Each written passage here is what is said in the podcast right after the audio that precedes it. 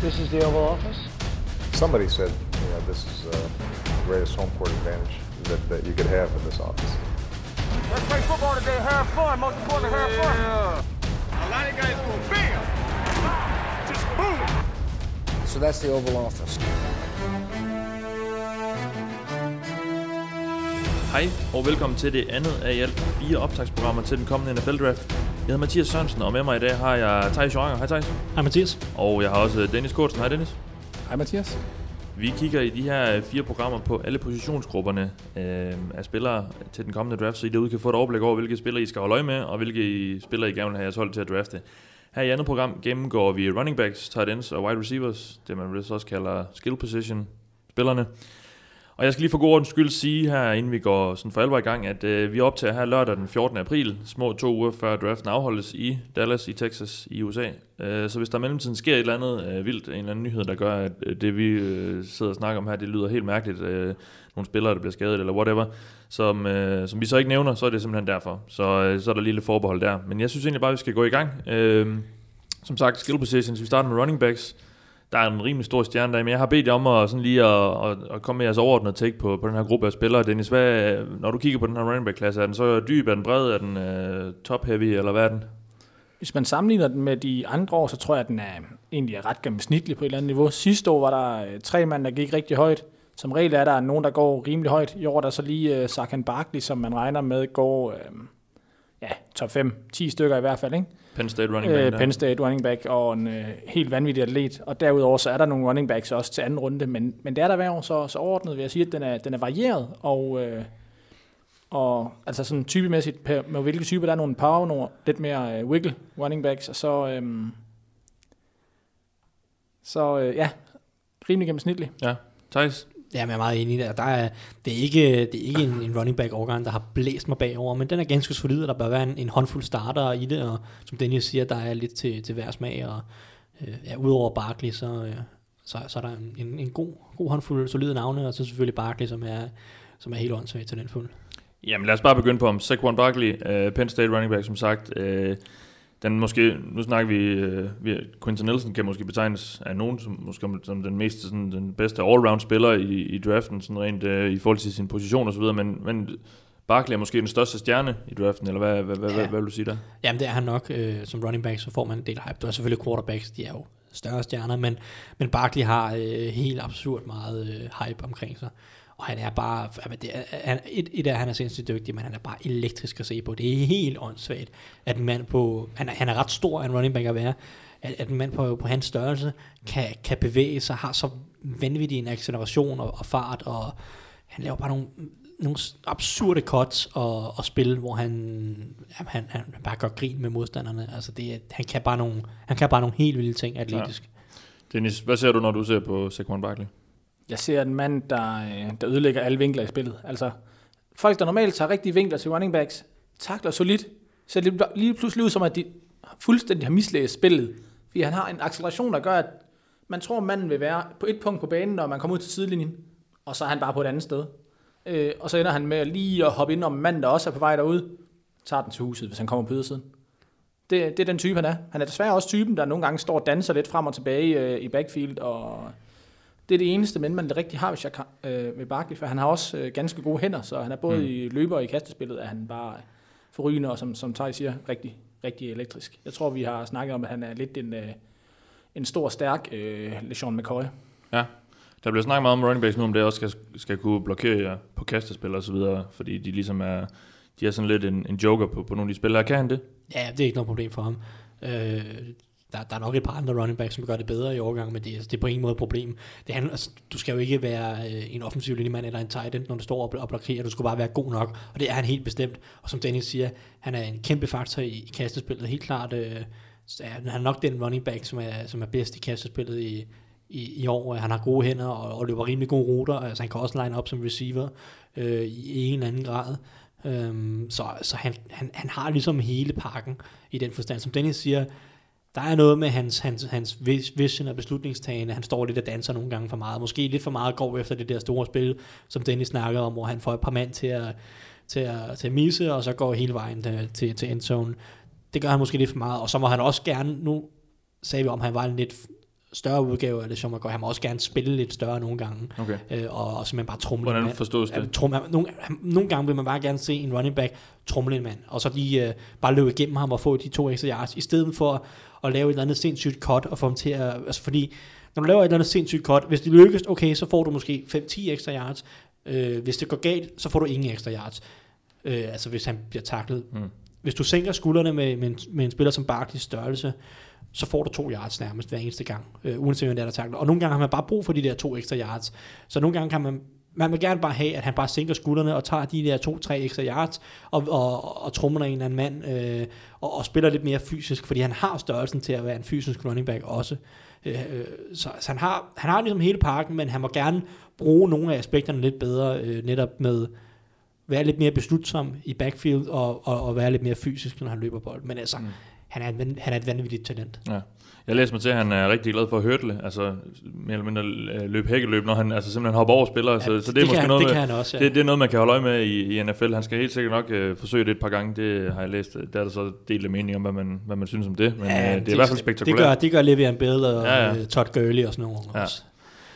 Nå, jamen, I er begge to enige om, at Saquon Barkley er konsensus nummer, nummer et, går jeg ud fra, ja. Ja. i den her klasse. Hvilke andre navne er der øh, oppe i nærheden af ham, eller, og hvor langt er der egentlig fra ham og ned til den næste? Jamen, jeg vil sige, de, de næste navne, vi snakker om her, er jo øh, Ronald Jones ud af USC, så er der øh, Darius Guys ud af LSU. Det er vel de, vel de to næste. Er vi ikke enige om det, Thijs? Jo, øh, i hvert fald sådan baseret på medieomtale og hvad, hvad, hvad der forventes. Men Jamen, er det det- det samme med det, I synes, eller hvad? Nej, jeg har, jeg har Guys lidt længere nede, men, men Okay. det, det kan vi komme tilbage til. Men Ja. Ronald Jones og Darius Guys, det er dem, der forventes at gå som to og tre. Ja, og det, det er set også dem, Og hvad er det for nogle typer også? Fordi der er jo, nu, vi snakker, der er jo mange forskellige typer running backs. Der er trumleren, der er øh, de der one yard øh, backs, der, der, der bare skal have de der 1, 2, 3 yards, og så, og så er der de her, øh, hvad skal man kalde dem, slashers, altså nogen, der virkelig kan, kan break de her store løb og sådan noget. Jamen, jamen, nu du siger slasher, det er, jo, det er jo lidt det, jeg betegner Ronald Jones som. Altså den der mand, der kan, der kan lave det der cut og lige få en mand til at, til at misse, og så bare øh, lige ud. Stik altså, af, ja. lidt, lidt ligesom øh, som, som Lions håbede, tror jeg, om Abdullah er. Lidt ligesom Melvin Gordon nogle gange kan spille for, øh, Chargers. for Chargers. Ja. Ja, lidt, Øh. lidt ligesom Jamal Charles i en eller anden grad var dengang, Mm. at Ja, Jamal Charles var så lidt, niveau, vel? Men, øh, lidt, lidt på et andet niveau end Ronald Jones, men lidt Ja. ja. samme type. Ja. Ja. Den der one cut, og så bare væk.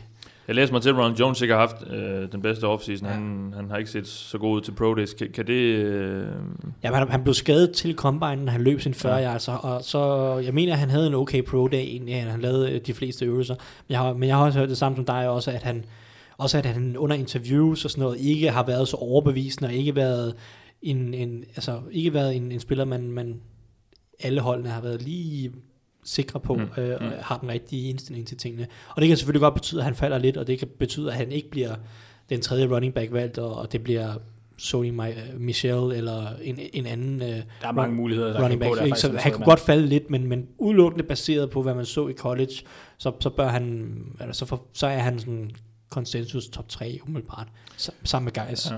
Lad, lad mig få nogle af de navne der, fordi jeg synes, jeg, når, jeg, når jeg læser lidt om, om den her øh, running back klasse, så, så synes jeg, jeg læser mange sådan anden tredje rundevalg. Øh, Sony Michel nævnte du, Darius Guys, er der så enige om, om hvor, hvor, hvor godt man Darius, kan Darius lide ham. Guys kommer formentlig til at gå i første Ja, det er jo så det. Og Nick Chubb bliver også nævnt. Og, Det tror jeg ikke og på. der, der er nogle andre også. Øh, prøv lige at gennemgå de navne der, hvor I, hvordan I rangerer dem. Sådan, øh, Okay, jeg tager dem bare lige hurtigt, Ja, ja, bare ja. sådan, siger lige to, tre korte sætninger om hver. Ja. Det er jo Skies er sådan lidt den, øh, ham har som træer, lidt den, den powerful running back, som er, løber lidt på Marshall Lynch måden, men selvfølgelig ikke på Marshall Lynch niveau. Nej. Øh, lige et niveau eller to under ham, ikke? Men det er sådan voldsomt. Ja. Altså voldsom at prøve at løbe folk over, og så fortsætte med at løbe der, eller Ja. lige undvige en lille smule, eller komme på kant Ja, af ja. folk, og, og slæbe folk med, ikke? Det er lidt den måde, han løber på. Har du ham som din nummer to? Nej, som tre efter Ronald Jones, som Okay, jeg egentlig ja. tror er en god atlet. Uh, Ronald Jones havde lidt det problem i, i college. Han har ikke rigtig fået mange catches. Men, men når der blev kastet til ham, synes jeg egentlig ikke, det så ud som, at det var et problem at bruge ham i kastespillet. Han blev bare ikke brugt mm. I kastespillet. Så, øh, Og så synes jeg også i college, at de brugte ham ufattelig meget på indvendige løb, i forhold til, at man ideelt set gerne vil have ham lidt mere udvendigt, altså Ronald Jones. Jeg synes egentlig, han kan, øh, kan begge ting, men, men, men ja, øh, bare fortsæt. yes, øh, så har vi Sony Michel på, på fjerdepladsen. Han er sådan lidt en øh, Dalvin Cook light, har vi sagt. Altså, Fra Georgia, ja. fra Georgia. Ikke en super, super god atlet egentlig. En ganske gennemsnitlig atlet, tror jeg, men han spiller mere atletisk, end han er. Han har bare ikke topgearet, og så er lidt nervøs for hans, øh, hans hænder, faktisk. Øh, når han skal Okay. gribe bolden, virker de lidt usikre, og så har han øh, flere fumbles, end han øh, bør have. Og det Ja. ja. kan det være noget, der holder ham af banen i NFL, og det kan være noget, der koster øh, turnovers og kampe i NFL. Så, mm. så derfor Hvor, har jeg ham ikke helt hvor ser du ham blive taget? Jamen, jeg ser ham blive taget i anden runde. Det forestiller okay. mig, han er. Jeg, jeg tror, den i den øverste halvdel af anden runde cigar. So, Sony Michel, ja. Ja. ja. Så er der Carrion Johnson, som er lidt en, en atypisk college running back på en eller anden måde. Han, øh, Auburn, eller hvad Ja, for han Auburn. Han ja. spiller der. Han var egentlig reserve for øh, Cameron Petway i noget tid, men øh, så, jeg tror, han fik noget off problemer og noget, noget ting eller tangel. Så kom Carrion Johnson og spillede. Han spillede i øh, college lidt ligesom Le'Veon Bell spiller hos øh, Steelers på den der tålmodige måde, mm. hvor han står lidt og kigger, og, Og så accelererer og så accelererer han igennem. Han har bare ikke helt samme acceleration, som, som Bell har vist i Nej. NFL. Bell havde så heller ikke helt samme acceleration i college, fordi han vejede for meget, og hvis det ikke var en træningsnarkoman, virkede det selv. Øh, men øh, han løber måske lidt tungere, end øh, Le'Veon Bell gør, men han har heller ikke helt samme wiggle og samme, øh, samme evne til at skifte retning 3-4 gange på et sekund og få mm. folk til at misse på den måde. Øhm, så har jeg på 6. pladsen her en, der hedder Royce Freeman ud af Oregon. Han var egentlig rimelig profileret i sine to første år i college, men, øhm, men de senere på år har han tabt lidt magi, fordi at Oregon også har været et lidt dårligere hold, og han har vist også, jeg mener, han var skadet sidste år.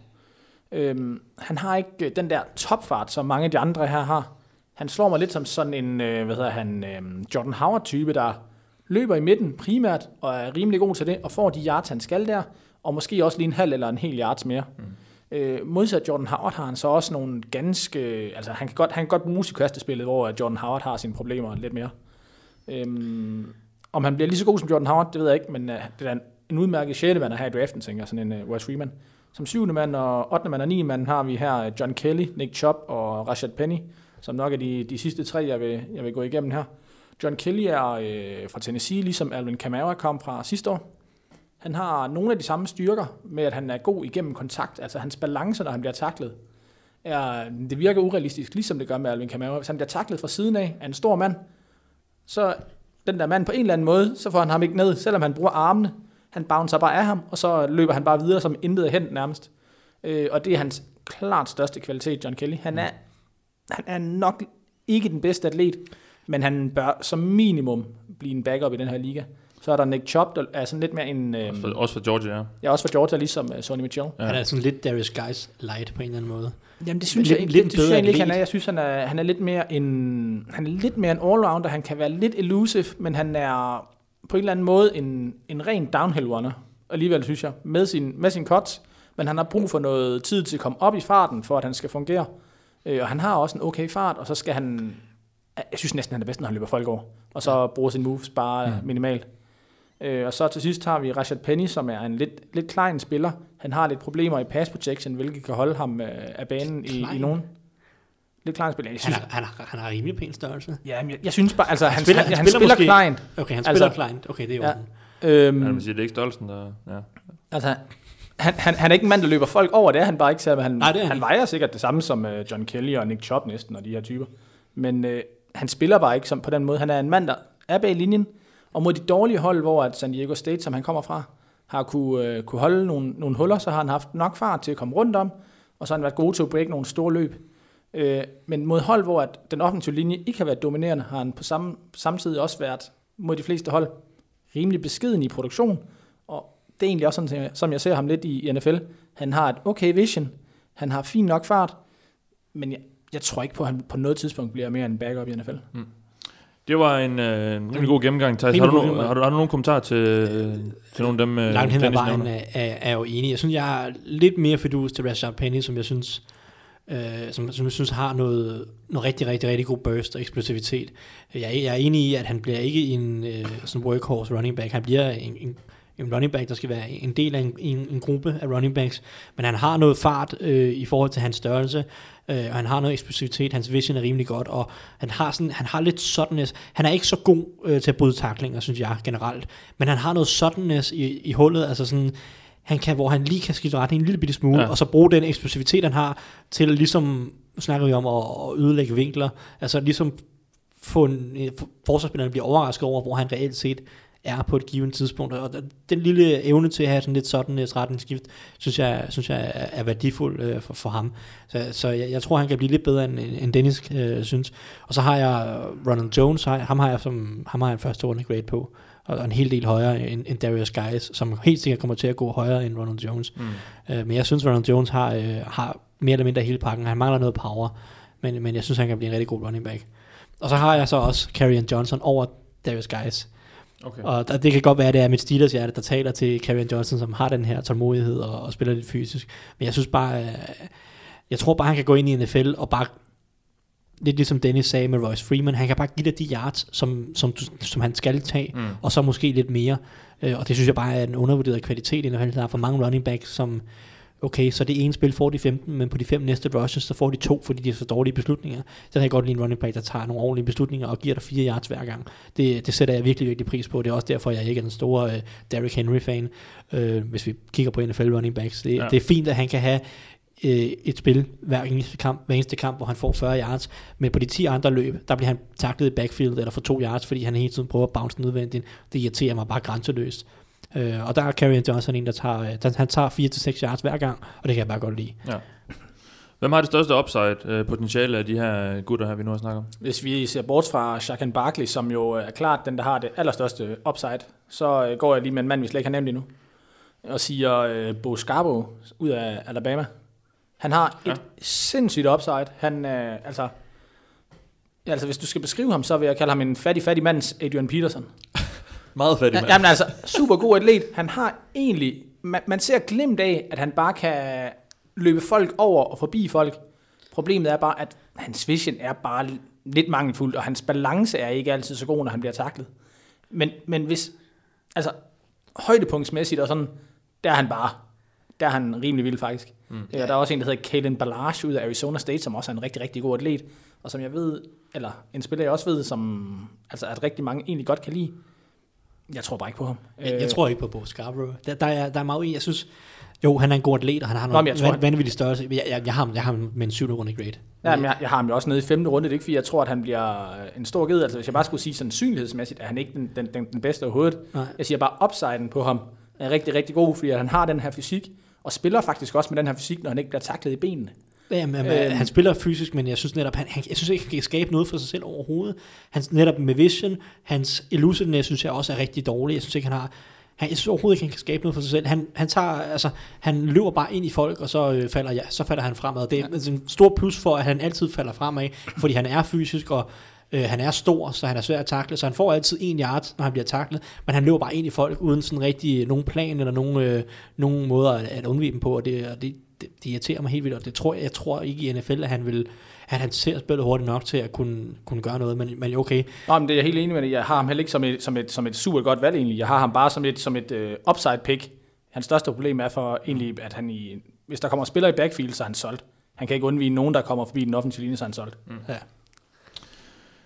Er der nogle andre spillere, vi lige skal have nævnt? Den, øh... Hvis vi skal nævne den sidste mand, så skal, synes jeg, det skal være Mark Walton. Jeg ved, at Thijs ikke er super vild med ham. Nej, men jeg, jeg, jeg skal gense ham lidt, men øh, ja, ja, det, øh, det jeg så først, det var ikke imponerende. Mark Walton? Og han, han er ikke nogen Ud super af, god ud af. Miami. Ja, ud af Miami, undskyld. Han har også en lille smule hype. Han er kun, jeg tror, han er 5'9 og lidt over 200 pund måske. Øh, en spiller, der kan gå fra alt fra måske i slutningen af tredje runde til ned i, ned i 6. runde. Øh, han er lidt en, hvis man typemæssigt skal beskrive ham, er han nok lidt ligesom James Wright i øh, Patriots. Super Bowl-helten fra Ja, Super. Bowl-helten. Han er ikke en mand, der løber fra nogen sådan rigtigt. Han er ikke øh, en mand, der løber op igennem tackles og bryder en tackling. Det er han ikke. Han er bare den der running back, der hele tiden tilbyder sig for, for quarterbacken i flatten eller på nogle små ruter i kastespillet, og det er der, han skal tjene sine penge. Øhm, en værdifuld spiller at have, men ikke selvfølgelig ikke noget, der skal ud og kaste nogle, øh, nogle høje draftvalg efter. Nej. Bare, bare en spiller, der kan være en del af en rotation som, øh, som third down back eller sådan noget. Hvis, måske. hvis, hvis vi ser den type, så er jeg mere fan af, af Wadley, øh, som er ude af Iowa, som jeg, som jeg synes instinktivt øh, ser spillet bedre, øh, er bedre til at få en mand til at, til at misse. Altså netop, I kan, han bliver ikke nogen god running back sådan mellem tackles, fordi han, han har ikke ret meget power, han er da ikke ret stor, og han er sådan set heller ikke sådan super atletisk. Men jeg synes bare, han er rimelig god til at gribe bolden. Jeg synes, han er rimelig god til at få en mand til at eller sådan undgå taklinger, i, når vi snakker open space, når der er altså ude i, i kastespillet, væk, når vi kommer lidt væk fra den defensive og den offensive linje. Øh, og der tror jeg egentlig mere på, at han har noget, nogle bedre instinkter end, øh, end Walton, og, og, kan gøre sig mere gældende i sådan en netop James White, theoretic type mm. rolle. Øhm, personligt, synes jeg. Problemet for Akon Wadley er bare, hvis han skal være third down back, så kan han kun løbe ruter. Ja, nej, Og, og, og det, han, kan ikke, han kan ikke han kan ikke passblokere om det, så galt hans liv. Han er jo, altså, jeg tror, han har givet flere pressures op, end næsten alle dem, vi har nævnt her til sammen har i løbet af sæsonen, når han har været Ja. ja. gennemsnit, altså procentuelt. Okay. Det er, øh, ja, det er simpelthen Det skal lige siges med Rashard Penny, det er også et af hans store problemer. Det er både kastespillet, altså gribe bolden og pass protection, det er noget, det er noget skrammel begge ting for Penny. Så han er en 20 down back, altså de første par, par, par downs, hvor man... Jamen, og det er lidt det, altså han, han, er jo ikke, han er jo ikke en powerback penny, og han er heller ikke en, en spiller, der kan pass protecte på tredje down. Jeg er sådan lidt, Nå, men han er, han, på en eller anden måde, så selvom han er lidt stor, så har han lidt sådan big play threat samtidig, fordi han har ja, farten og elusiveness, så han er sådan lidt en, han er lidt en alternativ big sådan powerback at have inde på nogle af de første downs. Ja. Han er ikke en short yardage back på den måde, men, men han, kan, han kan nogle ting stadig på, på de første par downs, synes jeg. Lad os lige tage den. Det helt store samtaleemne. Så Saquon Barkley, Cleveland, øh, altså, Nej. skal, skal de tage ham med det fjerde valg? Nej. Nej. Fordi de kommer nok til at tage en quarterback med det første. Ja. Skal de tage ham med det andet valg? Hvis, Nej. han er, hvis han er der selvfølgelig. Nej. Eller med det fjerde. Nej. Nej. Jeg, øh, uanset, altså Barkley er den bedste running back, øh, nu har jeg, jeg har ikke øh, fulgt draften i mere end 3-4 år, men han er den bedste running back prospect, jeg har set øh, i, øh, i den tid, og jeg vil stadig ikke tage ham i top 10. Jeg synes bare ikke, at running, back, øh, running backs giver værdi der så højt i draften. Hvis du øh, vælger en running back, jeg tror det er top 5, så vil han gå ind som, jeg tror det er næsten den tredje eller fjerde bedst betalte running back øh, på sin rookie-kontrakt allerede. Mm. Det gør du ikke på nogen andre positioner. Jo, Nej. punter og kicker, men det sker jo heller ikke. Nej. Øhm, men øh, forskellen for mig, Barkley, han er jo klart den bedste i år, og han har upsiden til at, at blive den bedste i hele NFL, tror jeg.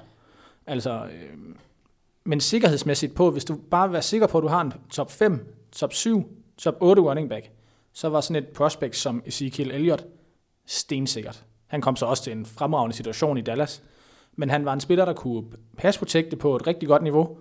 Han var bare en, der kunne løbe på et rigtig godt niveau, og han var i kastespillet også bare på et rigtig højt niveau allerede i college. Øhm, og samme sikkerhed og vision, synes jeg bare ikke, der er med, øh, med Saquon Barkley. Han har så bare de her atletiske evner, der gør ham, kan, kan gøre ham fuldstændig altså, forrygende i NFL. Mm. Det er også et, et, et andet problem, jeg egentlig har med running backs, det er, hvis du ser på den bedste running back i NFL, og den 6. 7. bedste running back i NFL, hvor meget mere bidrager en nummer 1 running, altså bidrager den bedste running back med i NFL i forhold til nummer 6-7 running back i NFL. Hvis man kigger på, på draft, fordi for den bedste running back i NFL, okay, hvis vi tager Barkley i top 5, øh, det vil han måske kunne blive, men okay, så tager vi øh, Darius Guys i bunden af øh, i anden runde, eller Karen Johnson i anden runde, og så, så bliver de stadig en top 10 running back. Jeg er ikke sikker på, at Barkley gør en, en markant forskel for et angreb i, i, i, den, altså i den forstand. Jeg er ikke sikker på, at running back-positionen gør, eller har den værdi, at, at, at den ligesom kan løfte et angreb mere end en top 5-10 running back kan. Og sådan nogle running backs kan du bare finde på et andet tidspunkt i, i, end et, i top 5. Øh, sidste år kom øh, uh, Alan Kamara ind. Han, uh, der blev sådan, jeg tror tidligt i processen blev han snakket lidt som et, et første runde, muligt første runde måske, men han endte så med at blive valgt i tredje runde, så vidt jeg husker, af, af Saints. Uh, og kom jo ind og tog hele NFL-verdenen med, med storm. Er der sådan en spiller i år, som er, er lidt under radaren, lidt undervurderet måske uh, af NFL-holdene, som kan gå ind og overraske? Det er, det er selvfølgelig altid svært, fordi det er jo tit med netop at være en overraskelse. Men uh, ser I en eller anden, der ser I, ser I den her års uh, Camara et eller andet sted? Altså, hvis vi skal tage en af de her spillere, vi har haft her, så vil jeg nok sige, hvis det er en af dem, der skal overraske, så er det sådan en spiller som Sonny Michel. Ja. Ham har jeg nemlig også nævnt som... Uh, Jo, men altså, men han kan godt måske droppe til tredje runde og stadigvæk være Det tror jeg ikke. en, en god spil. Tror du ikke, han ryger Jeg, i tredje? jeg, jeg tror, at han bliver valgt i den øverste halvdel af anden runde. Okay, jeg tror, der, det der er er ret mange, der er, der er glade for ham. Jeg tror, hans fumble-problemer kan holde ham lidt nede. Ja, men, men, måske. øh, Øh, men jeg tror, jeg, tror, jeg tror, han bliver valgt før Ronald Jones, mistænker jeg. han, han har ikke samme, øh, samme atletiske evner som Kamara, øh, men øh, han har alligevel en evne til at komme udenom spillere på en eller anden måde, altså inden de rører ham. Modsat Kamara, der er bedre, når han øh, altså, også tager kontakt, ligesom øh, John Kelly, vi snakkede om tidligere i den her draft. John Kelly kunne være et andet bud. Han har ikke samme atletiske evner, så han er svært ved at tage øh, ligaen på samme måde med Storm. Øh, hvis vi skal snakke om måske, jeg tænker, sådan en som Kareem Hunt kom jo også ind og startede øh, NFL-sæsonen fuldstændig vanvittigt mm. for Kansas City Chiefs.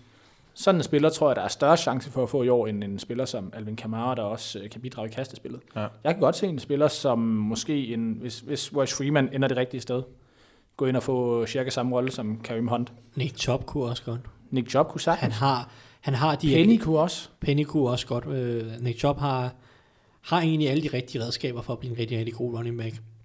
Men han mangler måske... Han mangler lige at, at sætte det hele sammen. Han mangler lidt elusiveness på en eller anden måde, øh, evnen til at få øh, en forsvarsspiller til at miste taklingen. Øh, men, men han har rimelig god balance, og han har rimelig gode atletiske evner, og han har noget ret god power, så i den rigtige situation, hvor at, øh, den offensive linje blokerer nogenlunde, hvad de skal, så kunne han godt blive en, en ret dygtig running back. Ja. Jeg har øh, en påstand klar, og den, øh, i den her, øh, den får vi faktisk begge to. Øh, og vi har faktisk snakket lidt om det, så jeg tror ikke, jeg kender jeres svar på det. Men ingen running back i denne klasse er så god, at man bør tage ham i top 10. Enig. Enig. Ja, det er simpelthen ikke, altså, selvom han er så øh, unikt et talent, så øh, er, der, er, der bare ikke, er det, det er bare ikke value nok. Det giver bare ikke noget værdi i, i forhold til nogle Nej. af de andre spillere, der kan tages i top 10. Altså. Jeg vil sige, i den her draft, og hvis du har et hold i den rigtige, helt rigtige position til det, kan det give værdi. Jeg vil sige, hvis Cleveland trader ned til nummer 10 fra nummer 4 af, så vil jeg da ikke fuldstændig udelukke det, selvom jeg nok vil råde dem til at tage en offensiv tackle i stedet for, fordi de mangler to. Men, men jeg vil bare gerne se Jarvis Landry, Josh Gordon og Saquon Barkley på samme hold. Se Josh Gordon og Barkley være superatleterne. Corey Coleman på ydersiden har de også som er en superatlet. Mm. En Joku. En Joku, hvis de så har en quarterback, og så lige uh, Jarvis Landry til at være i midten. Jeg vil Det lyder fandme meget helst sjovt, ikke være den uh, defensive koordinator på det, mod det hold. Nej. Altså så, jamen, jeg vil, godt, jeg, vil, jeg vil ikke have noget problem med at tage Barkley midt i første runde, som Dennis mm. siger, hvis, hvis, hvis det er en rigtig situation. Øh, der, der er nogle hold som Colts, hvis, øh, altså, de har så mange mangler, de må ikke tage en running back i min optik. Enig. De- Altså det skal, det skal være et hold, der... Det skal ikke være på grund af decideret need. Det skal være fordi, at de bare kan skabe et dream team atletisk sindssygt. hold. Buccaneers mangler også en hel del på forsvaret, men han vil, han vil give en del til deres angreb øh, også, men, men, men jeg, vil- jeg vil stadig ikke gøre det, hvis jeg var Buccaneers. Men, men Buccaneers vil også kunne forsvare det, hvis de nu draftede som nummer 12-13 stykker, for eksempel. Ja, præcis. Andre ting, vi lige skal have nævnt her i, øh, i running back-delen. Ja, der er selvfølgelig altid en masse small school spillere, som vi ikke øh, kender til. Der er Mm. dukket Ah, Austin Eckler op for, for Chargers. Der er dukket alle mulige forskellige Ja, der small er op. forskellige, Det er der sikkert også. sådan noget Ito Smith fra Fordham. Nej, han er dårlig. Ito Smith fra Southern Miss. Okay. Ja, men så hvad ham med Matthias Carter fra Grambling State har været lidt snak om. Der er sådan nogle spillere fra meget, meget små colleges, som popper op i 5., 6., 7. Ja. runde, øh, Undrafted. som, som, eller undrafted, som ja, jeg har ikke set nogen af dem, og Dennis har set måske et par af dem. Og, Det er svært at sige noget om, fordi at nogle gange så kan du kun basere de atletiske evner, om deres vision er helt af HT, fordi at de, øh, det er som at se, øh, jeg vil sige, Claus Elming i sin velmagsdage prøve at løbe for mig, og det havde han nok gjort øh, relativt let. Tror du han stadig kan det? Ej, jeg har set ham spille flag football for et par år siden, så det tror jeg ikke stadig, han kan. Nej, okay, godt nok.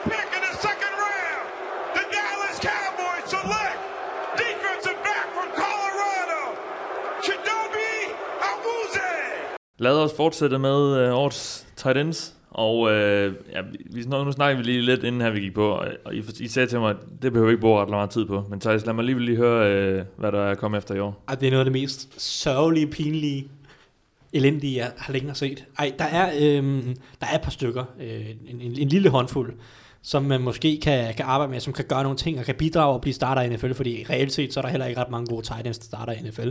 Øh, der er lige en, en håndfuld gode, og så en, en håndfuld tålelige, og så er resten, det er bare fyldt næsten. Øhm, men øh, Mike Gesicki, er, som også blev rimelig kendt under Combine, fordi han også bare smadrede Brandbanen. Ja. fuldstændig øh, var, var, var en awesome atlet. Ha, ham, er, ham er jeg rimelig begejstret for. Jeg har faktisk givet ham i første runde grade her, efter jeg så ham igen den her uge. Jeg synes faktisk, altså, første gang jeg så ham, der synes jeg ikke, han, han spillede som den atlet, altså, som han testede, som, men jeg, jeg så ham igen, jeg synes, jeg så nogle af de her ting, jeg synes, jeg så, jeg så nogle af de her jumps, evnen til at kunne vinde jump balls, øh, begyndte jeg at kunne se i hans spil.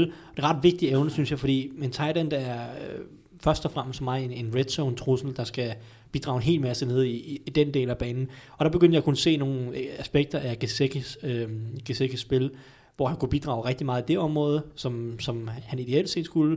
Og jeg begyndte at kunne se også nogle nuancer i hans ruteløb, som jeg synes var... Først tænkte jeg, "Ah, det er ikke godt nok, det, han, han har ikke nok nuancer, han kan ikke, hans ruter er ikke gode nok. Øh, men jeg så faktisk øh, en del flere nuancer, jeg så nogle gode headfakes. Jeg, begynder at se, at han har nogle cuts, han har noget retningsskift øh, faktisk i, i større grad, end jeg først troede. Så jeg rykker ham, øh, rykker ham rimelig højt op, og, og tror på, at han kan blive en ret god tight end i, øh, måske i, i Jimmy Graham, øh, sådan molden, som man siger, i, ned, ned af samme boldgade. Der er ikke nogen garanti for, at han kan blive på samme niveau, men samme type. Fordi han, han kan ikke finde noget at blokere. Overhovedet ikke. Han er, Der ligner han også Jimmy Graham. ja, der ligner han også Jimmy Graham. Det er skrækkeligt. Øh, Der er ingen power, ingen teknik, ingenting. Ingen indsats. Ingen indsats. Øh, Han kan ikke blokere overhovedet. Dit syn på tight end-klassen, øh, Dennis. Jamen, der er Mike Gesicki der, som han siger, det kan være en lidt, lidt en uh, Jimmy Graham. Uh, Det går godt for dig med det vand, der er Jamen den her, øh, hvad hedder det, bordskåner, bliver ved med at sidde fast på, på koppen. Så det, hver eneste gang, jeg løfter koppen, så flyver bordskåneren ja. ned. Nå, det, undskyld, Dennis, du er i gang. jamen, det er fint nok. Ja, vi er i gang med vigtige ting i år. ja, det kan jeg se. Um, Mike Gesicki der, han er, som sagt, som sig siger, han kan være lidt en, lidt en Jimmy Graham-type, og så så jeg faktisk et sted i går, jeg tror, der var på CBS, en mand, der sammenlignede ham lidt med den gamle Chargers receiver, Vincent Jackson, og det kan jeg faktisk godt se. Altså en spiller, der, der, der går på dybe bolde og jump balls og, og, og lignende, og det er jo lidt det, han er. Han kan alligevel ikke blokere. Øhm, Så er der nogen grund til at egentlig at kalde ham tight end? Altså, kommer han ikke til at line op i slotten også og sådan noget? Altså, Også til at- han er kommer til at line lidt, uh, inline lidt ligesom Ja. ja. Evan Ingram, der heller ikke kan blokere. Nej, nej. Øh, så Og Evan Ingram, han var endnu mere en receiver, Altså, altså, han var mindre som og Giants langt, tog langt sidste år i første runde. Ja, Evan Ingram, han løb jo, var det 4, øh, 4,45 på 40 yard dashen. ja, ja. Det var, det var, han var receiver. Ja. ja, ja altså, præcis. øh, fuldstændig. Men er det ikke nogen af det samme med Gesicki? Ja, man kan se, at ikke så hurtigt, og er mere øh, sådan typisk tight end build. Øh, Ja. Han er større, øh, mere højde og drøjde, øh, men, Ja, men han er også 6'6 en god. eller sådan Han skal også gøre sig i, i, i kastespillet, men han er ikke en receiver på den måde. Nej. Han er også en spiller, jeg kan se bedre klare sig altså i seams og sådan noget på øh, Gronkowski-ruterne i forhold til, øh, jeg måske kan med Evan Ingram. Ned dybt igennem midten. Ja. Ja, præcis på seam-ruter og sådan noget. Øh, Hvis vi kigger på resten af klassen, så er der egentlig primært en, der hedder Mike Andrews ud af Oklahoma. Han spillede sammen med Baker Mayfield der, og var hans øh, sikkerhedsventil for, for alt, var jeg vil sige, bare i midten. Et par sikre hænder, der gjorde, hvad han skulle, lidt i, måske ikke på niveau med Jason Witten i Cowboys, men, men lidt samme type, der, øh, der, bare, der bare hjælper quarterbacken øh, og, og, og gør det, der skal til. Han er ikke... Øh, han er ikke en mand, der brænder nogen af. Han er ikke en mand, der blokerer særlig godt. Han er, han er, han er bare, men alligevel er han bare sådan lidt en holdsmand, der hjælper øh, for at få konverteret en tredje down her og Ja. en tredje down her. Hvor ser du ham blive valgt? Øh, han bliver nok valgt på, på, ja, på anden dagen, formentlig anden runde, forestiller mig. Okay. Øh, også fordi der er den her mangel på tight ends øh, i draften. Ja. Så er der Dallas Goddard, der kommer af, ud fra en øh, anden divisionsskole, eller en FCS-skole, eller hvad du vil kalde den, der hedder South Dakota State. Øhm, han er en spiller, det er svært at blive klog på. Han var, så vidt jeg husker, skadet til øh, Scouting Combine, og kunne ikke øh, være med der. Så vi tror, han er en ret god atlet. Måske ikke en atlet på, på niveau med Mike Gesicki, men formentlig en atlet, der er bedre end Mark Andrews, der, der selvfølgelig er en, en fin nok atlet, men ikke nogen plusatlet, hvis man kan sige det. Det er, det er Goddard nok trods alt i, i NFL-sammenhængen. Øh, og så er han samtidig en spiller, der har en rigtig god indsats i blokeringsspillet. Jeg tror også godt, han med lidt træning kan blive en, en, altså en brugbar blokeringstight i, i NFL, hvis, men, men nok ikke nogen dominerende blokeringsspiller. Mm. Men samtidig viser han også en fysik i, i kastespillet, øh, og er den der mere klassiske tight end, altså receiving tight end, der, der liner op inline, øh, i stedet for at stå op i slotten, mm. som øh, så både Mark Andrews og Gesicki nok helst skal. Øhm, altså lidt, lidt sådan en Delaney Walker, hvis han er rigtig, rigtig heldig type, kan jeg godt se, at Dallas Goddard øh, udvikle sig til. Ja. Øh, ved han, Delaney Walker kom jo også ud af en helt lille skole som wide receiver, øh, men øh, nu spiller han så tight end. Mm. Goddard er, er lidt større, ikke? Hvad siger du? Øh, jeg, jeg kalder ham Goddard. Ja, Det gør alle amerikanerne i hvert fald også, også, men ja. jeg er ikke sikker nok på. Goddard. Ja, Det er G-O-E-D-E-R-T, tror jeg. Ja, dejligt navn. Ja. Øhm, øh, Walker var lidt, med, er lidt mindre end, end Goddard er, ikke? Fordi Goddard har rimelig god størrelse, også øh, som Jamen- højt og drøjt. Jamen, det, havde, det, det har Delaney Walker også. Altså, Ja, ja, ud, det ud af college er havde Walker Walker jo kun kun sådan- 240, men... Øh, Er Walker ikke 6'2, 6'3-agtigt? nej, jeg tror jeg ikke. Nå, okay. Men Nå. det kan godt være, jeg Men øh, det, er, det er også en, øh, en, en anden diskussion. Jeg, jeg er ikke så begejstret for godt, at jeg synes, at han mentalt og hans... Jeg synes, han mangler rigtig, rigtig meget. Jeg synes, han ligner en spiller, som virkelig har brug for et år til ligesom at, at vende sig til NFL-tempo. Øh, både i forhold til han, hans teknik på... Jeg synes, han, jeg synes ikke, han løber ret gode ruter, egentlig. Øh, jeg, jeg vil gerne... Dennis siger, han, han, at han er sådan rimelig fornuftig fysik. Jeg vil gerne se ham spille endnu mere fysisk i forhold til den statur, han har. Jeg vil gerne se ham øh, også blokere han, altså bedre teknisk. Jeg, jeg, jeg, jeg synes... Øh, jeg synes bare mentalt virker der bare til at være lang vej igen. Og han er sådan et projekt, øh, okay, jeg tager ham på, på anden dagen, men for mig er han et projekt, der skal udvikles. Øh, jeg, jeg, jeg, kan, jeg kan ikke se ham være klar til at starte i, i den første sæson i NFL.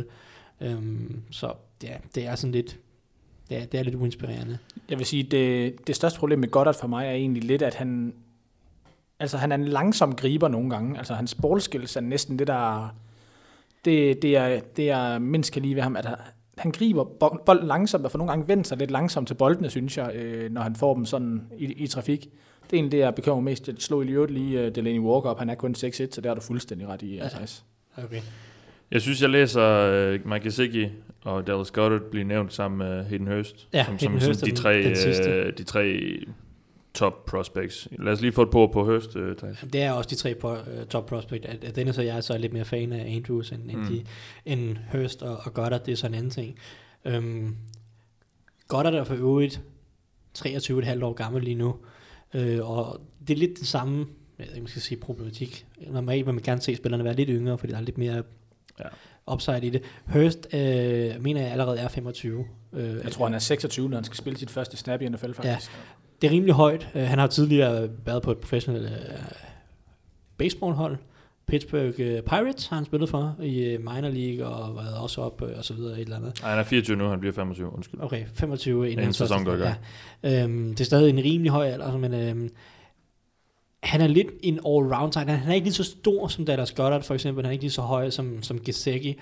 Øhm, han blokerer okay. Han har noget, han har noget sådan rimelig god straight line fart, så han kan tro dybt og ligesom strække banen en lille smule. Men han løber ikke så gode ruter. Øhm, han har, han, hans hænder er rimelig solide. Det er nok øh, det største plus ved ham egentlig, øh, synes jeg. Øh, hans hænder er rimelig øh, solide. Han er rimelig god til at gribe i, sådan, i trafik, øh, hvor, hvor der er mange forsvarsspillere omkring, sig, og, omkring ham, og han kan tage et hit, øh, mens han griber bolden. Det er nok hans, hans største styrke, men han er han er ikke så inspirerende i forhold til ruterne, og han, han må også gerne blive bedre til at blokere, selvom han, han bliver sat til at blokere en del, og han gør det okay, så teknisk og i forhold til power, må, der, må han gerne udvikle sig en del der. Øh, og, og ah, det er sådan, ikke- der var for mange områder, som ikke helt er, er, er på højt nok niveau endnu, i forhold til, at han er 25 år gammel, og måske sådan atletiske, og ja, i, i forhold til hans spiller, øh, ham som spiller, ikke har lige så meget udviklingspotentiale, som Gesicki for eksempel, eller Mark Andrews, som jeg også mener er, er lidt yngre end, end nogle af dem her. Så det, det er bare sådan, Hurst er bare, han er bare, han er bare okay. Han skal nok komme til at starte i NFL og gøre det okay, men, men, men noget, noget særligt er han ikke. Men super sikre hænder. Ja. Altså, jeg kan ikke huske, at jeg har set en tight end, der griber så hurtigt. Altså, for, øh, for grebet bolden præcis, når den er på det rigtige punkt, og få pakket den væk, så sikkert som, øh, som Hayden Hurst. Mm. Derudover er jeg helt enig med Thijs. Sindssygt uinspirerende ellers. Ja. Men, øh, men, men det er bare tight end. Tidligere Det, karriere i baseball, som Jamen, Jamen, det er ikke det. rigtig lykkedes. Ja. ja, altså, det er bare, men det er bare tight end overgangen lidt. Ja. Øhm, han kommer til at gå i anden runde på et eller andet tidspunkt Hurst, og det er fair nok, men det, det er lidt i mangel på bedre. Øhm, sådan er det. Jeg tænker ikke, vi bruger så meget tid mere på det. Jeg har bare lige et par påstande, I skal, I skal Vi skal, lige holde. snakke, vi skal lige sige, at Dalton Schultz, han er en fucking ged, når han skal blokere. Ja. Han bliver valgt i nogle af de senere runder. Han er Ja. virkelig god til at blokere. Jeg tror, han bliver valgt allerede op i fire runder. Ja, men garanteret tredje, fjerde runde kunne han sikkert, fordi der er så mange dårlige, men han er virkelig god til at blokere, øh, og, og, det er bare sjovt. Jeg kan, godt, jeg kan godt lide at se ham. Jeg synes, det er mega sjovt at sidde og se en tight end, der bare kan blokere. Hvad sagde du nu? Dalton Schultz fra Stanford. Stanford, ja, der er to andre Skønt. blokerende tight ends. Ja. Ja. Også i øvrigt i, øhm, i Will Disley ud af Washington, og så skulle der være en David Wells ud af San Diego State også. To rigtig gode blokerende tight ends efter sigende. Jeg har ikke set nogen af dem. Så, så øh, det kan du få. Du kan godt få en blokerende tight end i årets draft. Ja. Jamen, det er der sikkert nogen, der er rigtig glad for. Ja, det Jeg har lige et par påstande her, I skal have, øh, drenge. Øh, Dennis, Mike Gesicki bliver valgt som den første talent. Ja. Ja, det er jeg rimelig sikker på. Mm, det ved jeg ikke, om jeg er. Altså, det kan være, Hayden Hurst kan være overraskelsen. Øhm, Dallas øh, Goddard, Goddard. Goddard øh, kan være den første tight end. Øhm, jeg tror ikke, Mark Andrews bliver den første tight end, men, mm. men de atletiske evner øh, gør nok, at han bliver valgt i første runde, og han er nok den eneste. Lidt ligesom vi snakkede om øh, de offensive tackles, der havde Colton Miller som en superatlet, så er Mike Gesicki den her superatlet, der nok også øh, gør, at han bliver draftet i første runde. Det får du så lov til at forholde dig lidt til, fordi øh, Thijs, alle tre top og det er altså Hurst, Goddard og, og Gesicki, bliver taget i første runde. Nej, overhovedet ikke. Nej. No way. Øh, Uh, jeg tror, at en af dem kommer til at først at blive taget ned i midten af anden runde på et eller andet tidspunkt. Um, det virker som om Patriots er rigtig, rigtig varme på Hayden Hurst. Så jeg vil tro, at overraskelsen vil være, hvis de tager med 31, men ellers så har de jo valg nummer 39-40 stykker fra 49ers um, øhm, i starten af en runde. Jeg kunne godt se dem tage Hurst der, og så kunne jeg godt se Dallas Goddard gå til Dolphins med det 11. 12. valg i anden runde, øh, og så Gesicki som sagt i bunden af første. Så tror jeg, vi har alle tre tight ends. Jeg tror, vi har de tre der draftet, de er nok væk inden valg nummer 50, vil jeg tro. Men, men ikke i første runde, no, no way. Og det er ikke noget log, at de er gået ved, ved de første 50, tænker jeg. Altså, det er ikke, det er ikke sikkert, at de er gået ved de Nej, nej, 52. det kan godt være, de falder lidt, men der er bare så få tight ends, at, at de måske bliver skubbet lidt op i draften. Modtaget. Lad os gå videre til årets wide receiver klasse. Den er, den er lidt mere bred, går ud fra. Thijs, dit ikke- syn på, ikke, ja. på klassen? Jeg er ikke sikker på, at den er super meget mere inspirerende, men, men den er lidt mere bred, der er lidt flere navne, og der er måske lidt flere forskellige typer at arbejde med. Og, og ja, den er sådan set ret bred, men, men der er ikke nogen der er ikke nogen rigtig top receiver. Det er der virkelig ikke. Jeg har ikke en, jeg har ikke en wide receiver med et første runde grade, men der er en del der i anden, tredje, fjerde runde, hvor man kan få lov til at lege med nogle forskellige projekter. Os få nogle navn på. Jamen, øh, lad os lad os starte. DJ Moore er nok, sammen med Calvin Ridley, er nok de to, der er anset for at være højeste. Hvis vi starter med Ridley, han har været den, der har været længst tid som, som en top wide receiver i, i årgangen. Kommer fra Alabama, stort college osv. Um, øhm, en rigtig, rigtig god ruteløber, der har noget rigtig god straight line øh, fart, men han er ikke nogen stor atlet, når vi snakker i forhold til eksplosivitet, jumps, um, retningsskift er heller ikke øh, helt fantastisk, men altså, han er rimelig god teknisk i forhold til den måde, han løber ruter på. Øh, øh, det, det er rimelig skarpe ruter, og så har han den her straight line øh, fart.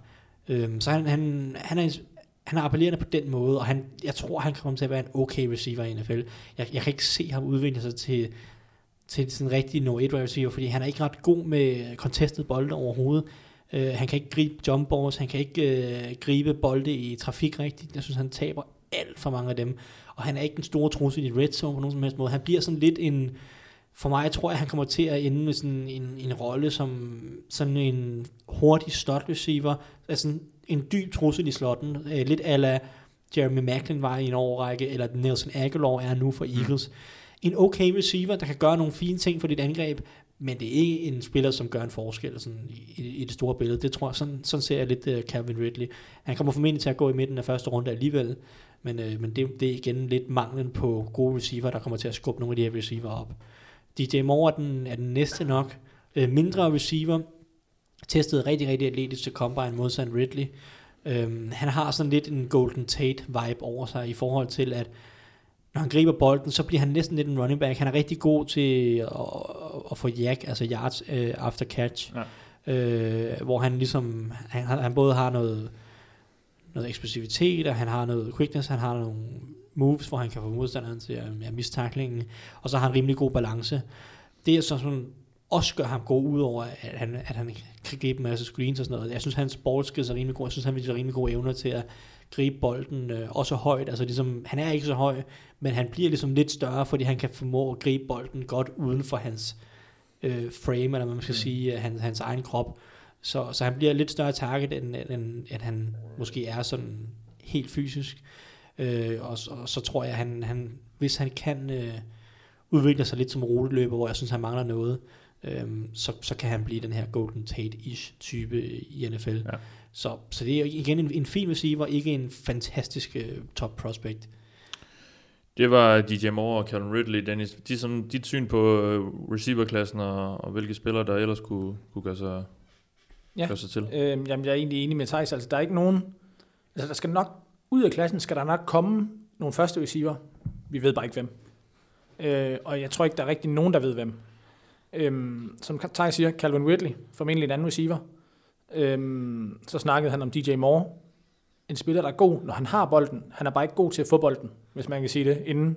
Altså, det er sådan en mand, der skal have den ved eller på screens, og Ja. ja. sådan lidt Cordell Patterson-agtig... Øh, nok, nok, Uha. nok, jamen nok lidt bedre, øh, trods alt, Ja. end, end Cordell Patterson. Men, men typemæssigt, altså han er klart bedst med bolden i hånden, og Han ikke så god blive- til han at få bolden i sikkert blive en hånden. bedre ruteløber øh, Præcis. i NFL, og, og, Og, og bedre ved linjen. bedre ved linjen er helt sikkert øh, i forhold til øh, hans releases, øh, komme ud på ruterne. Så, så der, der er nogle tekniske aspekter der. Men, men hvis vi skal have en spiller, der skulle have chancen for at blive en, en første receiver i den her klasse, så vil jeg gå, klart gå med Cortland Sutton, der kommer ud af Southern Methodist, tror jeg det hedder, Methodist. SMU. SMU. SMU, ja. Lad os bare se. De har en øh, fin orange hest som logo i øvrigt. Øhm, nå, Vigtigt. ja, øh, han er... Det er de små nuggets. Ja. Ja, det er de små guldkorn. Jeg har slet ikke nævnt, at Penn State også hedder Nit- Nittany Lions. Det, Ja. det kan jeg virkelig godt lide. Åh, det er rigtigt. Der er jo lige kommet en film øh, om hele Joe Paterno-affæren der, om ja. skandalen der på Penn State. Nå, nu kommer vi ud af spor. Fortsæt. Uh, lad, os, lad os køre på Cortland Sutton. Ja. Ja. Han, øh, typemæssigt kan jeg godt se ham blive lidt ligesom Alshon Jeffrey er hos, hos Eagles, og som han var hos Bears inden. Øh, og hvis jeg skulle give et skud, så tror jeg, at Cortland Sutton bliver den første draftet. Jeg tror, at jeg så lige et tweet i går. Han lavede lige øh, øjen-emojien, da Des Bryant blev fyret. Ja. Ja. Og øh, han er lidt samme type med, at han godt kan komme op efter jump balls. Måske ikke lige så god til at få skabt separation. Jeg kunne godt se matchet der. Øh, hos hos øh, Cowboys, efter det de fyrede Des Bryant. Jeg synes egentlig, han er udmærket til at skabe separation. Jeg synes, han har nogle ret gode retningsskift og løber ud. Sådan rimelig pæne ruter. Øh, Jo, men jeg synes bare ikke, han får separation. Jeg synes, han er, han er en ganske okay atlet. Han er stor. Han er egentlig også okay til de contested catches, synes jeg. Jeg synes bare ikke rigtigt, han får den separation, som, som han har brug for. Ikke mod, altså, hvis man kigger på den anden side, på samme hold spiller en, der hedder Trey Quinn, som nok kom, først kommer til at gå i sådan noget 4., 5., 6. runde. Også wide receiver. Løber meget bedre ruter, end, uh, end Ja. Cortland Sutton gør. Øhm, ud af samme skole, ikke? Så, men hvis vi skal prøve at nævne nogle af de andre spillere, så snakkede vi om øh, James Washington, da vi snakkede om Mason Rudolph hos quarterbacksene i, øh, i et tidligere program her. Øhm, han er en dyb receiver uden fart, kan man sige, og, og det ved jeg ikke, om han kommer til at fungere i NFL, men han har en rigtig god mulighed for at blive en eller anden form for NFL-spiller. Så er der Christian Kirk, som nok skal spille øh, slot receiver. Han kommer fra Texas A&M, øh, og er en ret god atlet, som jeg husker det, og i hvert fald sådan, han ser ud på tape. Øh, og også god med bolden i hænderne, men jeg er ikke sikker på, hvordan han altid skal få bolden i hænderne igen. Øh, og, og det er lidt, det er lidt øh, temaet ved den her øh, wide receiver-klasse. Der er, hvis vi skal nævne, jeg ved, Tyson har Cedric Wilson som en, som en, øh, som en af hans yndlings, men hvis vi skal prøve at nævne nogle af dem, der løber Han kommer rigtig ikke til at gå højt i draften. Nej, nej, men hvis vi skal prøve at nævne nogle af dem, der løber gode ruter, faktisk er gode, øhm, inden de får bolden i hånden, så er det en spiller som øh, Anthony Miller, for eksempel ud af Memphis, der løber ganske gode ruter. Han er god til alt, lige indtil han skal gribe bolden. Der har han sender altså lige... Der er han for ustabil. Ja, der- det er sjovt. Jeg har set virkelig, virkelig mange kampe med Anthony Miller nu. For der er nogen, der er rigtig, rigtig glade for ham. Jeg tror, jeg har, jeg tror, jeg har set seks eller syv kampe med ham efterhånden. Og det er ufatteligt så ustabilt. Og det er, sådan ind, det er hot and cold, virkelig. For der er nogle kampe. Jeg, jeg husker en kamp mod UCLA, hvor han griber bolden virkelig godt. Han laver nogle fantastiske catches, man sidder og tænker, shit man, nogle hænder den mand har. Og så ser man en af nogle af de, nogle af de andre kampe, og han kan gribe noget som helst. Han har fem drops i træk nærmest. Men er det ikke sådan noget, man kan træne? Nej, Nej, det tror jeg ikke, det er. Det var sådan noget, de Øh, havde... gribeteknik. Jo, Jo, jo, lidt, kan men du godt, Selvfølgelig men- skal du have et naturligt flere for det. Martavis Bryant, han, altså, han taber jo også nogle bolde. Han hiver også nogle sindssyge bolde ind, Ja. men han taber også nogle bolde. Øh, hvad hedder han? Ham her er ikke på samme, øh, Anthony Miller er ikke på samme måde en jump ball type, som Nej. Han er Bryant lidt mindre- er. han er han mindre- er noget mindre, Ja, men, ja. men han kan gribe bold sådan med helt udstrakte arme og uden for frame Ja, lang og sådan noget. og Ja, ja. Holde tæerne inde og alt det der, sådan lidt, øh, ja, sammenligningsmæssigt, sådan, hvordan han gør tingene, er han lidt Sterling Shepard-agtig i New York måske. Øhm, men så kan han også bare tabe nogle bolde, hvor det er ligesom, at han, han flytter øjnene, eller blinker, eller jeg, jeg ved simpelthen ikke, hvad han laver. Ja, du ved, altså, som bare Xbox, X- Xbox-controlleren går simpelthen ud, mens bolden er i luften, ikke? Ja. Altså, Altså, han- han får solen i øjnene, der er sæbe på Ja. handskerne, jeg ved ikke, hvad det er. Han har Det- spist popcorn. Ja, ja. Det ser, det ser underligt ud, når man ser nogle af de andre bolde, han griber, så virker det underligt, at han ikke kan gribe de der bolde Så- nogle gange. så, altså, han er, han er rimelig godt prospect. Jeg tror, han kommer til at gå i anden runde. Mås, ja, hvis, hvis NFL-holdene går amok på receiver, så kunne han snige sig helt op i første runde. Nej, det tror jeg ikke på. Nej, men jeg, jeg ved ikke, NFL-holdene har nogle gange tendens med overdra- overdrafte receiver helt voldsomt. Vi så det sidste år med mm. tre receiver i top 10, ikke? Uh, og det kunne godt ske, hvis, hvis Sutton og Ridley og DJ Moore begynder at gå der i midten af første runde. Hvis Cowboys, Ravens og øh, eller- eller jeg ved ikke, et eller andet øh, tager, tager receiver i, med deres første rundevalg, så kunne det måske godt være sådan en Christian Kirk, Anthony Miller, James Christian Wa- Kirk kunne sagtens gå i første runde. Jeg tror bare James ikke Washington, en af de tre, kunne godt blive skubbet meget tæt på første runde, hvis, hvis receiver, begynder at gå lidt hurtigt. Øhm, men ja, altså Anthony Miller, han er egentlig en god spiller, som Dennis siger, indtil han skal gribe bolden. Der skal han simpelthen bare være mere stabil. Øh, øhm, og, og, og hvis han bliver det, så kunne han godt blive en rigtig god spiller i NFL. Men ja, jeg ved ikke, hvis vi skal... Så er der også en som DJ Chark, som er altså Ja, lidt, LSU, han brændte øh, banen af til, til Combine Præcis, og ikke? Super testede hurtigt. virkelig godt. Ja. og testet rigtig hurtigt, har god størrelse egentlig. Jeg, jeg er egentlig personligt en rimelig pæn fan af DJ Chark. Øh, Jeg, jeg tror godt, han kan blive en rigtig god spiller i NFL. Jeg synes, jeg ser nogle ting, hvor også i forhold til, han griber bolden bedre. Altså nogle, mange af de her speedsters, ikke, som bare er rigtig, rigtig hurtigt, de kan gribe bolden. De kan bare løbe lige ud, så kan de gribe bolden. Det har vi set med Will Fuller i en eller anden grad, øh, Sammy Coates, øh, og sådan nogle typer. Ikke? Der synes jeg egentlig, at DJ Chark har nogle okay hænder. Jeg synes, han er, han er god til at justere på de dybe bolde. En, en, en evne, som jeg virkelig værdsætter på, på dybe trusler. De skal være i stand til at kunne justere på, til bolden i luften. Altså øh, at tracke bolden i luften og ligesom finde ud af, hvor den lander, og så lave de justeringer. Det er noget, Deshaun, Deshaun Jackson i, øh, i Tampa øh, er helt forrygende til. Altså det, det, det er det, der gør, at han er så vanvittig god en øh, dyb trussel, ud over hans fart selvfølgelig. Men fart er der mange, der har. Øhm, Ted Ginn, Ted Ginn. som i øvrigt er kommet noget bedre efter de sidste. Det er sjovt, Ted Ginn. Det er karrieren. Jeg så, at, jeg så, at Ted Ginn nu var den eneste tilbage fra hans draftopgang i top 10 Ja. ja. nu. Øh, jeg kan huske, øh, da jeg startede i gymnasiet, hvilket er efterhånden 6, ej, det var 7-8 år siden nu. Der kom jeg i klasse med en, der var helt vildt stor fan af Ted Ginn. Og det var, det var sådan et par år efter, han var blevet draftet. Og, jeg, og, og på det tidspunkt var han på vej ud af ligaen nærmest, ikke? Det var sådan, jeg sådan, Ja, okay, han var rimelig udskilt. tillykke med, at du er Ted ja, Ginn-fan. Han er på vej ud. Der, på det tidspunkt var han Dolphins returner, 49ers, Ja, et eller andet, ja. ikke? Og jeg tænkte, det er fint. Han er, han er, han er væk, ikke? Men nu øh, sidder vi her øh, 7-8 år efter, og han er stadig i ligaen, og han har nærmest fået en større rolle, end han havde dengang. Det, Ja. ja. det, det, er rimelig vildt. Det Nå, er. De der spise, der skal man i øvrigt nogle gange, det kan godt være, at de ikke altid har de bedste hænder, men de har alligevel bare en vigtig rolle på de her hold. En, en, en Travis ja. Benjamin, hvis de, man, man bliver nødt til at følge med dem. Ja. Det kan godt være, at de taber to bolde i træk, tre bolde i træk nogle gange dybt, men hvis ikke, at du har en eller halvanden mand, der passer på dem, så scorer de bare et touchdown på dig Ja. lige pludselig. Ja. Og det, det, det samme vil Chark på, potentielt kunne gøre. Jeg er rimelig stor fan. Jeg synes egentlig, han netop justerer godt til bolden. Og han skal arbejde selvfølgelig lidt med sine ruter, og han skal arbejde lidt med sin, sin fysik. Han må gerne blive lidt tungere. Han er meget skinny lige nu. Øh, det kan være, at, øh, at, at, at det kommer naturligt her i, i løbet af hans, hans NFL-karriere. Men, Ja. ja. men jeg synes egentlig, der er noget godt potentiale der, og det er en af de spillere, som, som jeg tror på kan gøre en, få en god rolle i NFL. Ja, NFL-mæssigt minder han måske lidt om Dante Moncrief, kan man sige. Dante Moncrief, ja, en, en wide receiver 2, som kan gøre nogle rigtig gode ting for dit angreb, men også kan være pisse til nogle gange, fordi han, han forsvinder helt. Det var en masse spillere, vi lige linede op. Hvem, øh, hvem ser I som, som har de største sådan, muligheder for at slå igennem hurtigt i NFL? Altså, altså altså hvordan slå igennem? Nå, men bare altså, som få på banen, eller en rimelig 1000 etableret rolle. Ja, altså. Sådan er det Ridley nok. Øh, det er nok den, der er mest klar. Jeg kunne også godt se sådan en spiller som Dante Pettis øh, rimelig hurtigt få en, en, en udmærket rolle. Han er sådan rimelig solid, har noget rimelig pæn fart. Han, han kommer fra Washington. Øh, løber ret gode ruter, synes jeg, og, og er rimelig god med contested bold. Han er sådan all-round rimelig solid. Og det er sådan en spiller, som, som hurtigt kunne komme på banen et sted og, og få en eller anden rimelig pæn rolle. Øh, han bliver næppe nogen øh, top-top receiver på noget som helst tidspunkt, men han er sådan rimelig all-round solid. Øh, og det, det er lidt det samme også med Cortland Sutton, som så har noget bedre størrelse og lidt, lidt mere atletisk, øh, som, som så også skal udvikle sig til noget mere. Men, men det er nok nogle af dem, jeg vil sige... Og så DJ Chark kunne også sagtens, i, altså, fordi han bare kan løbe dybt. Det, det kan man skulle bruge øh, også i deres rookie-sæson. Ja, ja.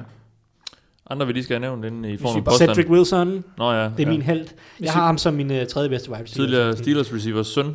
Præcis. Øh, er så og også det, det, vidste, det vidste jeg faktisk Nej. ikke, øh, han var. Så det har ikke noget med Steelers connection overhovedet Nej. at gøre. Øhm, men jeg har ham faktisk som min tredje bedste receiver i den her draft. Han bliver ikke valgt før, øh, jeg ved ikke, tredje runde tidligst, fjerde runde, femte runde formentlig. Øhm, jeg synes, han, øh, han gør alle de svære ting godt. Og så må man kunne lære ham de lette ting bagefter. Øh, han griber bolden helt vildt godt. Det er de bedste hænder, jeg, jeg har i den her klasse. Øh, jeg synes jeg virkelig, virkelig, han griber godt. Både contested bolde, øh, og alle de lette uden for frame, øh, ind over midten. Altså han kan, han kan gribe bolden på alle måder, synes jeg. Øh, han har ikke fantastisk top end fart, men fordi han er så god på contested catches, catches, fordi han er så dygtig til at gribe uden for hans frame, justere til bolden ned ad banen, så er han stadig en dyb trussel. Han har også noget pæn størrelse. Øh, han skal blive lidt bedre til at altså komme i gang med spillet, altså hans releases, når han starter spillet, komme ud på ruterne, øh, altså på line og scrimmage, han skal løbe lidt bedre ruter, øh, han skal generelt bare blive lidt mere NFL-ready sådan i hans, øh, hans tilgang til tingene i, i forhold til ruter, men jeg, jeg, jeg ser et stort lys i ham, og jeg tror sagtens, han kan blive en rigtig, rigtig god øh, right receiver i NFL, fordi han gør alle de svære ting øh, godt. Hvis jeg lige til sidst skal name, mere eller mindre bare name droppe et par spillere her og sige en enkelt ting, så er der øh, Dejan Hamilton ud af Penn State, som er en, en god ruteløber, mangler noget atletisk evner, en lille smule med hænderne også.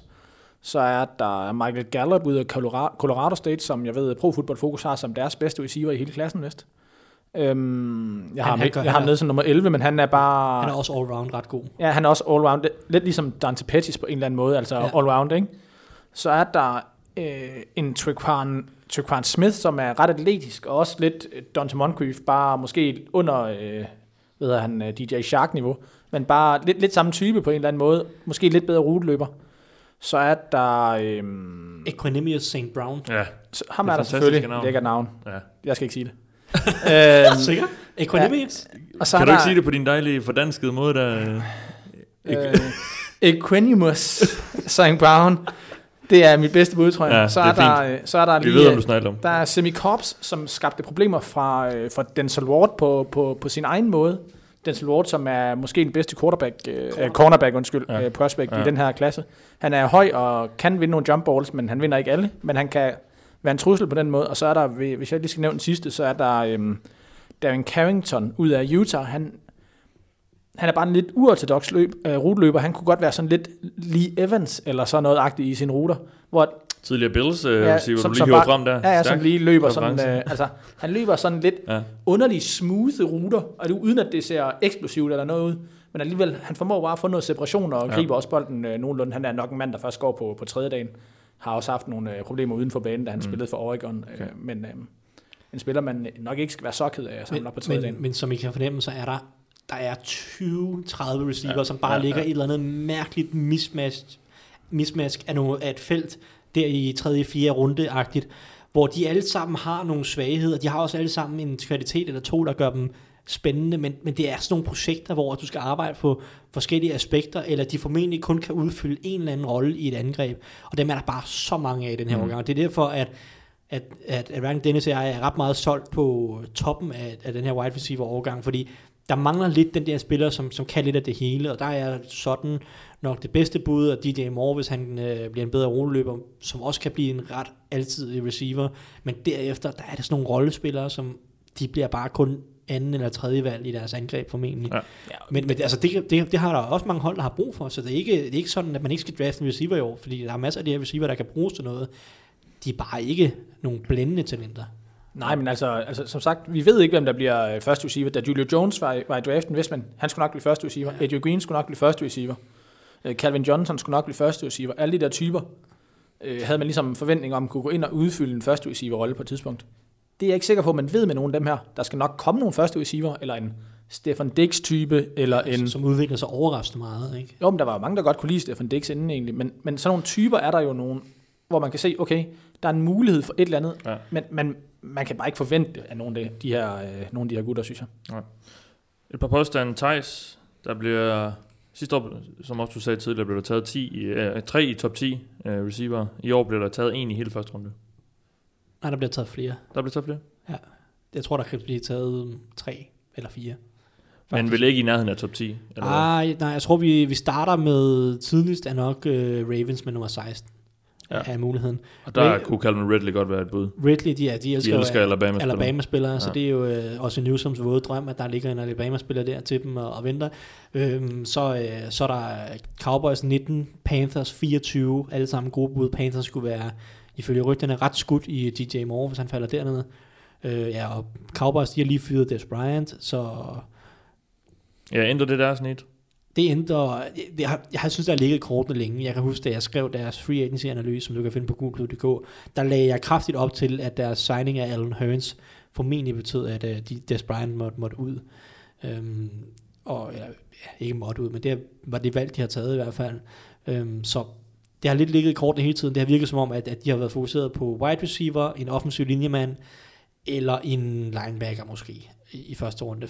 Van Der Esch har været lidt, lidt rygtet til dem, men nu ligner det virkelig meget, at en wide receiver er, er i kortene. Om det så bliver Ridley, eller Sutton, eller øh, DJ Moore, eller noget, det, det ved jeg ikke. Men jeg vil tro, at Ridley, Sutton og Moore går i første runde, og så kunne Christian Kirk, James Washington, Anthony Miller måske snige sig ind i, i første runde, helt nede ved, ved Eagles, eller noget stil med, med Ja. sidste valg.